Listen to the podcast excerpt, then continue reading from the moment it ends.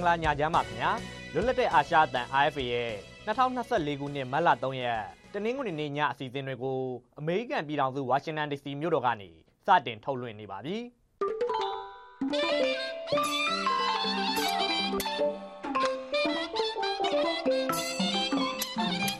ကျွန်တော်ကကြော်ထွန်းနိုင်ပါဒီနေ့ညအစီအစဉ်မှာနောက်ဆုံးရသတင်းတွေနဲ့အတူနေပြည်တော်မှာအဲစင်းမတိုင်သူတွေကိုထောင်6လကြမယ်လို့စစ်ကောင်စီကြေညာနေတဲ့အကြောင်းသတင်းဆောင်ပါနဲ့ အခြားစိတ်ဝင်စားစရာအစီအစဉ်တွေကိုထုတ်လွှင့်ဖို့ပြင်ဆင်ထားပါတယ်။အခုတော့အရင်ဆုံးသတင်းတွေကိုတင်ပြပါမယ်ခင်ဗျာ။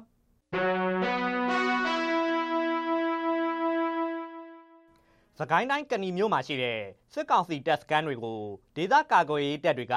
မတ်လ2ရက်နေ့မနက်ပိုင်းကစပြီးဝင်ရောက်တိုက်ခိုက်နေတာကြောင့်တိုက်ပွဲပြင်းထန်နေပြီးမြို့ပေါ်နဲ့အနီးနားရွာ15ရွာခန့်ကဒေသခံတထောင်ကျော်ထွက်ပြေးနေရတယ်လို့ဒေသကာကွယ်ရေးတပ်ဖွဲ့ဝင်တွေကပြောပါတယ်။ မြို့ပေါ်ရက်ကွက်3ခုရှိတဲ့တဲကအမှတ်1နဲ့3ရက်ကွက်နဲ့ပတ်ဝန်းကျင်ရွာတွေကဒေသခံတွေပါထွက်ပြေးနေရတာလို့ဆိုပါတယ်။စစ်ကောင်စီတပ်ကကဏီမြို့ဘေးကပတ်ဝန်းကျင်ရွာတွေကိုဂျက်တိုက်လင်နဲ့ရောစစ်ရဟရင်နဲ့ပါပြစ်ခတ်ခဲ့တယ်လို့ဒေသကာကွယ်ရေးတပ်ဖွဲ့ဝင်တဦးက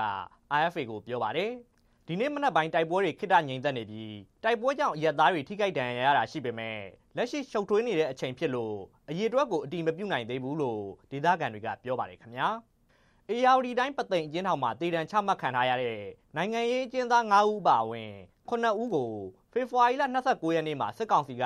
တည်တံထပ်မံချမှတ်လိုက်တယ်လို့အကျဉ်းထောင်နဲ့နှီးဆက်သူတွေက RFA ကိုဒီနေ့ပြောပါတယ် PDF လို့ဆိုဆွဲပြီးဖြားပေါင်မြို့နယ်မှာဖမ်းဆီးခံခဲ့ရတဲ့ကိုသူရဖြိုးကိုထွန်းထွန်းဦးကိုကျော်ဆန်းဦးကိုကိုအောင်ကိုအောင်မိုးမြင့်ကိုဝင်းမြတ်သိန်းစော်နဲ့ကိုကောင်းစီသူတို့ကိုတည်တံချမှတ်လိုက်တာလို့ဆိုပါတယ်သူတို့ခုနှစ်ဦးဟာ ဖျားပုံမျိုးတွင်စစ်ကောင်စီသတင်းပေးတွေကိုရှင်းလင်းရမှာပါဝင်တယ်လို့ဆွဆွခံရပြီး2022ခုနှစ်အတွင်းဖမ်းဆီးခံခဲ့ရတာပါသူတို့ကိုပသိမ်ကျင်းတော်မှာပဲရုံးထုတ်ပြီးရတသက်ကြီးပုံမှ109လူသက်မှုပုံမှ302တစ်ခါခွေနဲ့ဖျားပုံခရိုင်တရားသူကြီးကအမိန့်ချမှတ်လိုက်တာလို့အကျဉ်းထောင်နဲ့နှီးသက်သူတို့ကပြောပါတယ်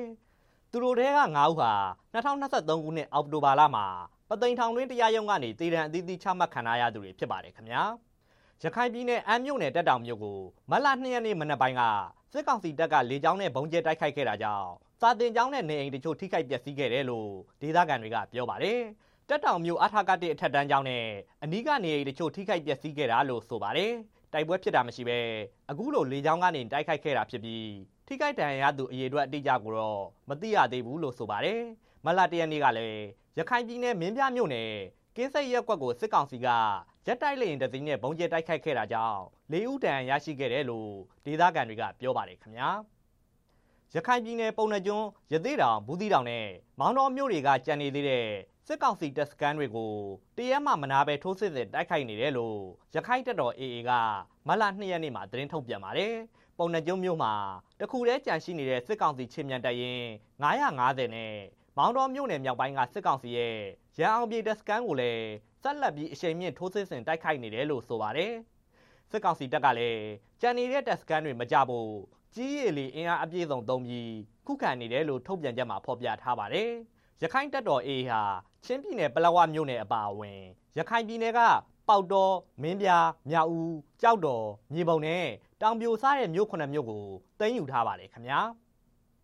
စကိုင်းတိုင်းဝက်လက်မြို့နယ်ဟလင်းရွာမှာမလ2ရက်နေ့ညကစပြီးတိုက်ပွဲပြင်းထန်နေတာကြောင့်နှစ်ပတ်ကြာဆုံးမှုတွေရှိသလိုရွာ6ရွာကဒေသခံ2000ကျော်အိုးအိမ်ဆွန့်ခွာထွက်ပြေးနေရတယ်လို့အဲဒီဒေသမှာနေထိုင်သူတွေကပြောပါတယ်။ဟာလင်းရွာအခြေဆိုင်စစ်ကောင်စီတပ်ကိုဒေသကာကွယ်ရေးတပ်ဖွဲ့ဝင်တွေကဝင်ရောက်တိုက်ခိုက်နေတာကြောင့်တိုက်ပွဲပြင်းထန်နေပြီးရွှေဘိုမြို့အခြေဆိုင်စစ်ကောင်စီတပ်ကလက်နက်ကြီးနဲ့ပစ်ကူပေးနေတယ်လို့ဒေသခံတွေက AFA ကိုပြောပါတယ်။ ဟလင်းရွာတိုက်ပွဲမှာနှစ်ဖက်အကြဆုံးများတယ်လို့ဒေသကာကွယ်ရေးတပ်ဖွဲ့ဝင်တဦးကပြောပေမဲ့အရေးအတွက်အတိအကျကိုတော့ထုတ်ဖော်မပြောဆိုပါဘူး။မလ2ရက်နေ့ကလည်းသခိုင်းတိုင်းကဏီမြို့ကစစ်ကောင်စီတပ်စခန်းတွေကိုဒေသကာကွယ်ရေးတပ်ဖွဲ့ဝင်တွေဝင်ရောက်တိုက်ခိုက်ခဲ့တာကြောင့်တိုက်ပွဲပြင်းထန်ခဲ့ပြီးဒေသခံတထောင်ကျော်အိုးအိမ်ဆုံးခွာထွက်ပြေးခဲ့ရပါတယ်ခင်ဗျာ။မန္တလေးတိုင်းချမ်းမြသာစီမြို့နယ်ကကျူးကျော်လို့ဆွဆွဲခံရပြီးဖယ်ရှားခိုင်းထားတဲ့မြေနေရာတွေကိုစစ်ကောင်စီထောက်ခံသူတွေနဲ့ မြို့နယ်အထွေထွေအုပ်ချုပ်ရေးတာဝန်ရှိသူတွေကအကွက်ရိုက်ပြီးပြန်လည်ရောင်းချနေတယ်လို့ဒေသခံတွေကပြောပါတယ်။ပြီးခဲ့တဲ့ဖေဖော်ဝါရီလကချမ်းမြသာစီမြို့နယ်အေယာထွန်းရက်ကွက်နဲ့တာယာကုန်းရက်ကွက်အတွင်းကနေအိမ်3000ခန့်ကို PRP ဖယ်ရှားခိုင်းပြီးအဲ့ဒီမြေနေရာတွေကိုအကွက်ရိုက်ပြီးပြန်လည်ရောင်းချနေတာလို့ဆိုပါတယ်။အလျားပေ30အနံပေ40မြေတစ်ခွက်ကိုကျပ်ငွေ3200နီးပါးနဲ့ပြန်လည်ရောင်းချနေတာလို့မန္တလေးမြို့ကန်တဦးက IFA ကိုပြောပါတယ်။ မြေကွက်တစ်ခွက်ကိုကျပ်ငွေ3200နီးပါးကနေ3400ကျော်အထိပေါက်သေးရှိနေတယ်လို့မန္တလေးမြို့ကန်တွေကပြောကြပါတယ်ခင်ဗျာ။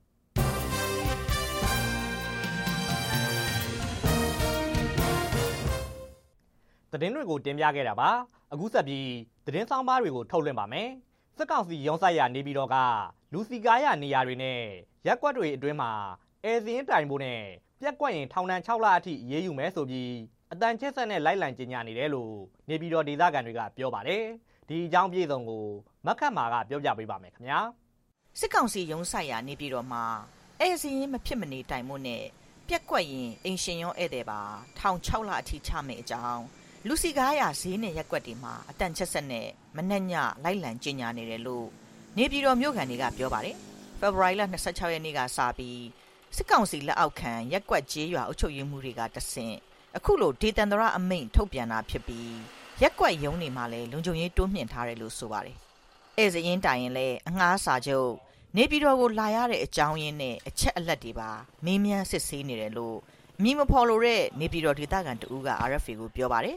တိုင်းအဆင့်အားလုံးမြို့နယ်ခရိုင်အားလုံးစီမံချက်တအားတင်းကျပ်နေတယ်ဘယ်သူမှကောင်းမှမနေအောင်သူတို့အဲသင်းအဆင့်မှာဘာလို့ဒါတွေပေါ့စိတ်ရှုပ်ရတယ်ပေါ့လူတို့ရဲ့ရှုပ်ထွေးမှုတွေနေကြတော့လူတွေစိတ်ညစ်ကြနေရတာ လူဒီမှာရှင်းရင်ဟိုထောင်းထဲမြောက်တာတမယ်ပဲရက်ွက်တဲ့ထောင်ကြနေ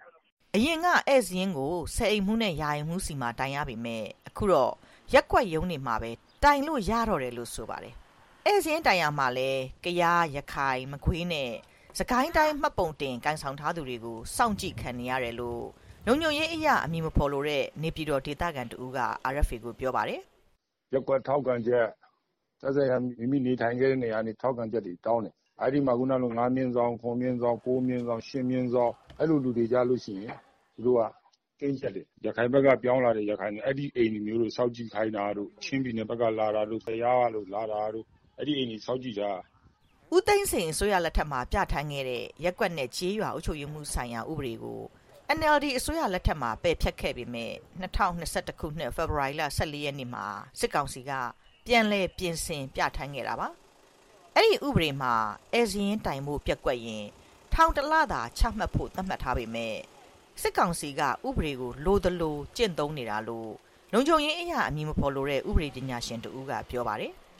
နောက်ထပ်ကအစိုးရလက်ထက်မှာအဲ့ဒါကိုပြန်ပြီးတော့ဒီဧည့်စာရင်းစစ်ဖို့ကိုရပ်ကွက်အုပ်ချုပ်ရေးမှူးဥပဒေထဲမှာထည့်တယ်နော်။ဥပဒေမှာပါတာကတော့ဧည့်စာရင်းတိုင်ကိုပျက်ကွက်ခဲ့ရင်အမြင့်ဆုံးက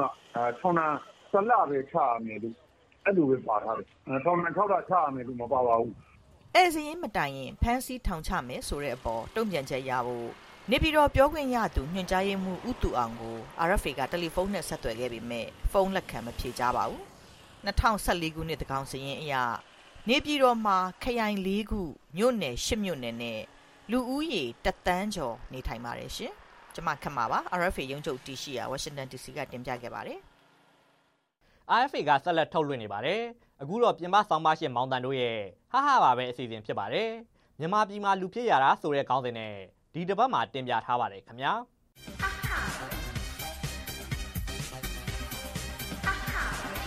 အေးအဖမ်းခံရမှာပေါ့သူတို့ကနိုင်ငံရေးသွားလို့တာကိုဆိုတဲ့ပြောလေပြောထရှိခဲ့ကြတဲ့စကားကိုအခုနောက်ပိုင်းမှာဘယ်သူမှမပြောတော့ပါဘူးအားလုံးကိုတန်းတူဖြစ်အောင်ခေါင်းဆောင်ကြီးကလှုပ်ပေးလိုက်ပါပြီ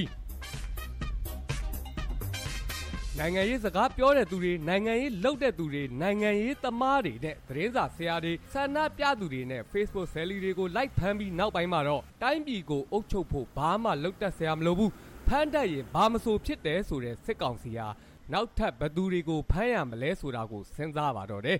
နိုင်ငံရေးမလုပ်လဲဖင်ပေါ်တဲ့သူတွေကိုဖမ်းဟေးဆိုအဖော်ချွတ်အလှမယ်တွေကိုပါလိုက်ဖမ်းပါတော့တယ် ဖင်ပေါ်တာကပြစ်မှုကြီးတဲ့အမှုအနေနဲ့သတ်မှတ်ပြီးနောက်ပိုင်းမှာတော့မီးပြက်တာကိုပြောတဲ့သူတွေကိုလိုက်ဖမ်းဟေးဆိုပြီးတော့မီးပြက်တာပြောတဲ့သူတွေကိုလိုက်ဖမ်းပါတော့တယ်ဒီလိုနဲ့လူကြီးမိဘတွေဟာကိုကလေးတွေအဖမ်းမခံရအောင်ငယ်ငယ်ကလေးကနိုင်ငံရေးမလုပ်ဖို့အပြင်ဖင်ပေါ်အောင်မနေဖို့နဲ့မီးပြတ်တာကိုမပြောမိစေဖို့တုံသင်ရပါတော့တယ်အဲ့ဒီနောက်မှာတော့ဒေါ်လာရောင်းတဲ့သူတွေကိုဖမ်းဆိုဒေါ်လာသမားတွေကိုလိုက်ဖမ်းပါတော့တယ်ဒေါ်လာရောင်းတဲ့သူတွေသာမက ဒေါ်လာမရောင်းကျင်တဲ့သူတွေကိုပါဖမ်းတယ်လို့ရွှေရောင်းတဲ့သူတွေကိုပါလိုက်ဖမ်းပါတော့တယ်ဒါနဲ့လူကြီးမိဘတွေဟာတာသမီတွေကြီးလာရင်နိုင်ငံရေးလည်းမလုပ်မိစေနဲ့ဒေါ်လာလည်းမရောင်းနဲ့ရွှေရောင်းတဲ့အလုပ်ကိုလည်းရှောင်းဆိုပြီးတော့တာသမီတွေရဲ့အနာဂတ်အတွက်တွင်တင်ရပြန်ပါကောဗျာဒီလိုနဲ့နိုင်ငံရေးလုပ်တဲ့သူတွေဒေါ်လာတွေရွှေတွေရောက်တဲ့စီးပွားရေးသမားတွေအဖော်ကျွတ်မယ်တွေနဲ့မိပြက်တာပြောတဲ့သူတွေကိုဖမ်းပြီးလူဆိုးတခိုးနဲ့ရာဇဝတ်သားတွေကိုထောင်ကနေလွှတ်ပေးလိုက်တော့လူကြီးမိဘတွေဟာကလေးတွေကိုကြီးလာရင် ခိုးစားလူစားတာကအပြစ်မရှိဘူးသူများတွေဆိုရင်လမ်းဘေးမှာပလာတာလူစားရာကနေဘွားကိုစလိုက်တာအခုဆိုရင် passport ရုံးမှာတထေးကြီးတောင်ဖြစ်နေပြီဆိုပြီးတော့တင်ကြရမလားအခက်တွေ့နေတာပါဒီလိုနဲ့ဖမ်းရင်အလုပ်ဖြစ်တဲ့ထင်တဲ့ခေါင်းဆောင်ကြီးကလူတွေကိုဖမ်းဖို့ထပ်ပြီးတော့ကြံစီပြန်มาတော့တယ်အဲဈေးမတိုင်တဲ့သူတွေဖမ်းဆိုပြီးတော့အိမ်လယ်မှုနဲ့ဖမ်းခံရတဲ့သူကအဖမ်းခံရညအပြင်ထွက်တဲ့သူတွေဖမ်းဆိုပြီးတော့ညအပြင်ထွက်မှုနဲ့အဖမ်းခံရတဲ့သူကအဖမ်းခံရ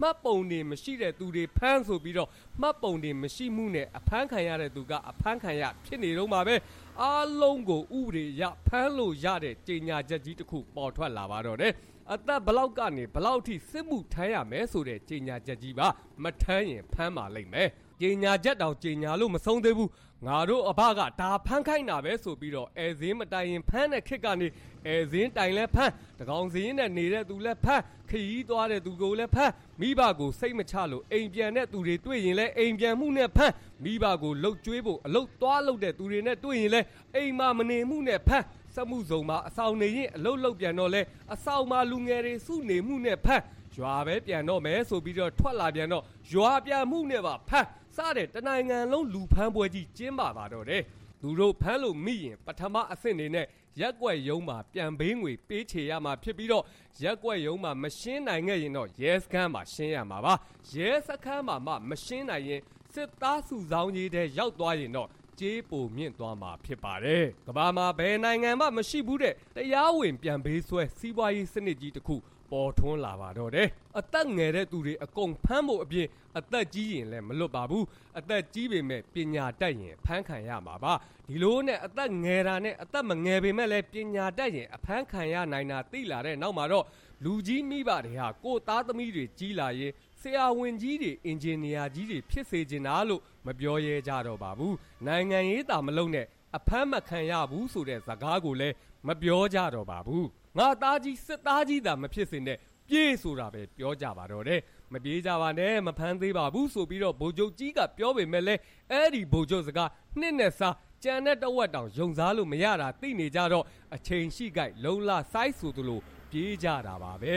ဒီလိုနဲ့လူငယ်တွေမရှိတဲ့နောက်ပိုင်းမှာကြေညာချက်တစ်ခုထပ်ပြီးတော့ထွက်လာပါတော့တယ်တနတ်မနိုင်တဲ့သူတိုင်းစစ်မှုထမ်းရမယ်တဲ့မထမ်းရင်ဖမ်းမယ်တဲ့ဒါနဲ့ပဲငါသားသမီးလေးကအသက်မပြည့်သေးဘူးနေလို့ရသေးတယ်ဆိုတဲ့မိဘတွေနဲ့အသက်ကြီးပိုင်းနေပါထပ်ပြီးတော့ထွက်ပြေးကြပြန်ပါရောဗျာအဲ့ဒီနောက်မှာပဲနောက်ထပ်ကြေညာချက်တစ်ခုထွက်ပေါ်လာပါတော့တယ်အသစ်လိုက်ဖမ်းထားတဲ့စစ်မှုထမ်းတွေအတွက်ထွက်သမျှလယ်တွေကနေ ရိတ်ခါစဘာဘလောက်ပေးရမည်တဲ့မပေးရင်ဖမ်းမည်ဆိုတော့လယ်သမားတွေတောင်သူတွေပါပြေးရပါတော့တယ်လူတွေအားလုံးပြေးသွားလို့ဘယ်သူမှမရှိကြတော့ဘူးလားဆိုပြီးတော့နောက်ထပ်ကြေညာချက်ထုတ်လိုက်တာအရွယ်ရောက်ပြီးတဲ့သူတိုင်းကလေးယူရမယ်တဲ့ ဒီလိုနဲ့တနိုင်ငံလုံးမှာစစ်ရှုံးလို့ပြေးနေတဲ့စစ်သားတွေဟိုဒီပြေးတဲ့သူကပြေးစစ်ထဲကနေထွက်ပြေးလာတဲ့သူတွေကပြေးစစ်ထဲမဝင်ခြင်းလို့ပြေးတဲ့သူတွေကပြေးစစ်ကြောင်းထိုးလာလို့ဆိုပြီးတော့ပြေးတဲ့သူကလည်းပြေးပညာတတ်ကြီးတွေကဟိုဘက်ကိုပြေးဆရာဝန်ကြီးတွေကဒီဘက်ကိုပြေးအင်ဂျင်နီယာကြီးတွေကပြေးကျင်တယ်လို့ပြေးရောက်ရက်ခတ်နေတော့မှာပဲပြေးရင်လွှားရင်ဗုဒ္ဓဘာသာဝင်တွေစဉ်းစားမိလာတာကငါတို့တွေဘယ်ဘဝကအတိတ်ကံကြောင့်ဒီလောက်ရောက်ရက်ခတ်အောင်ဒုက္ခတွေများနေရတာတော့ ဒီကောင်ပေးတဲ့ဝစ်ကြေးတွေဘာလို့ဒီလောက်တောင်ခံနေရတာတော့ဒီတော့ဝစ်ကျွေးတွေကြေအောင်ကုသိုလ်လေးဘာလေးလုံးမဖျားလေးတရားလေးလောက်ကြမဲဆိုပြီးတော့တနိုင်ငံလုံးမှာတရားပွဲတွေကျင်းပပြီးတရားနာလိုက်ကြတာစင်ဘော်ကဆရာတော်ဟောလိုက်တဲ့တရားကမြမပြည်မှာလူဖြစ်ရတာအင်မတန်ကံကောင်းလို့ပါတယ်ခမညာ ဟာဟာပါပဲအစီအစဉ်ဖြစ်ပါတယ်ပရိသတ်များခမညာဒီအစီအစဉ်မှာပါတဲ့တရော်ဝင်ပတ်ချက်တွေဟာပြင်ပဆောင်ပါရှင်ရဲ့အာဘော်သာဖြစ်ပြီး IFA ရဲ့အာဘော်မဟုတ်ကြောင်းအသိပေးလိုပါတယ်ခင်ဗျာဒီစီဇန်နဲ့ပဲတနင်္ဂနွေနေ့ညအတန်လွင့်ချက်တွေကိုရန်နာခွင့်ပြုပါမြန်မာပြည်သူပြည်သားများဘေးရန်တွေတွေကင်းဝေးကြပါစေခင်ဗျာ